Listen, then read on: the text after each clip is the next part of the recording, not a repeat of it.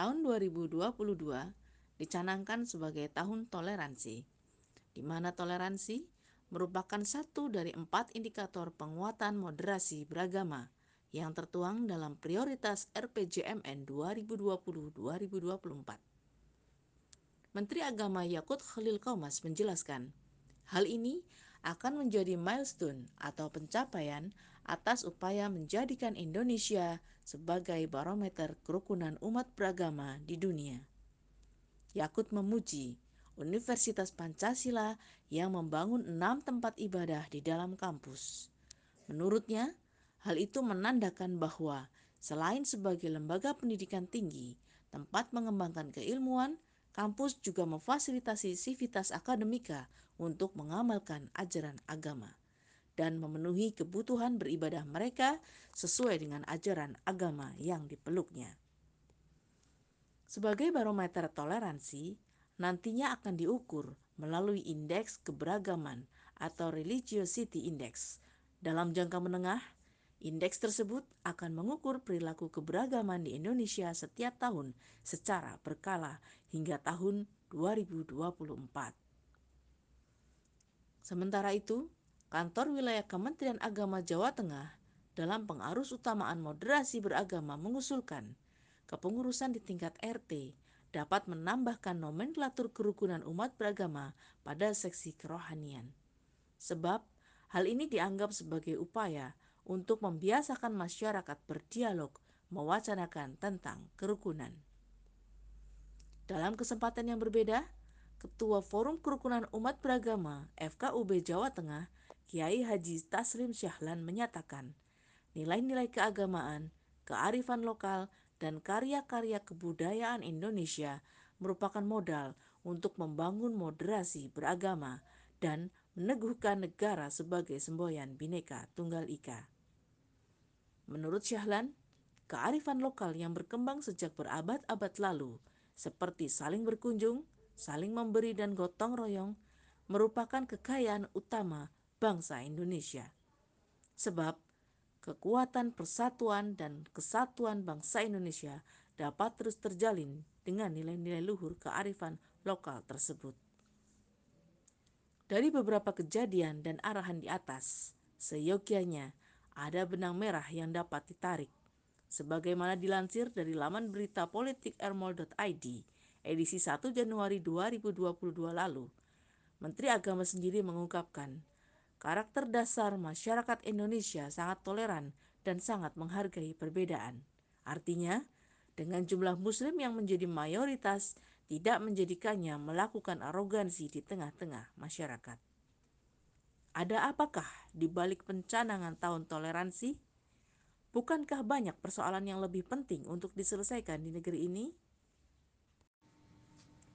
Bismillah, saudaraku, pencanangan tahun toleransi yang ada dan mulai digerakkan di Indonesia merupakan satu grand design yang sebenarnya sudah diarahkan oleh negara barat dalam hari ini Amerika untuk melemahkan katakanlah nilai-nilai ekstremisme yang dianggap sudah mulai bermunculan di Indonesia.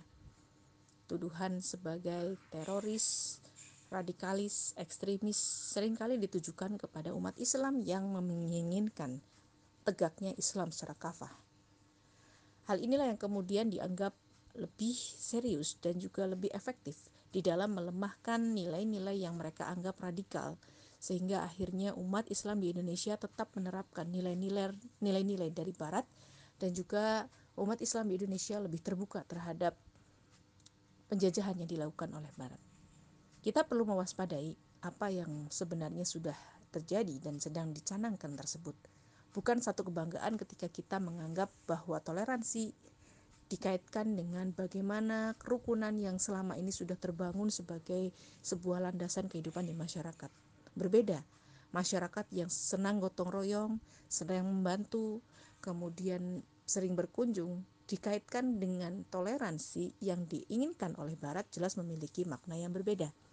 Karena toleransi yang diinginkan Barat jelas memiliki nilai-nilai ideologis, politis, supaya lebih terbuka pada nilai-nilai Barat, sehingga akhirnya mereka bisa dengan mudahnya menjejalkan kebebasan, liberalisme, sekulerisme di negeri yang mayoritas Islam ini. Walhasil, ketika masyarakat kemudian menerima dengan lapang dada toleransi yang diinginkan oleh Barat, maka mereka pun tidak pernah segan lagi akhirnya untuk menerapkan dan juga menyerang Indonesia dengan berbagai macam peraturan-peraturan yang kontra sebenarnya dengan agama mereka. Akhirnya bukan agama yang dibela tapi agama yang dipersalahkan. Karena salah dipahami, salah dimengerti dan juga salah dikaji. Mereka anggap seperti itu hingga akhirnya umat Islam itu harus menghendaki, harus menginginkan, harus menerapkan sesuatu penerapan agama yang diinginkan oleh Barat. Kita beragama sesuai dengan apa yang diingini mereka, bukan beragama sesuai dengan apa yang diingini oleh Allah. Miris, sesuatu hal yang sebenarnya tidak layak untuk dilakukan oleh kita sebagai seorang muslim. Karena Allah sudah mengingatkan kepada kita.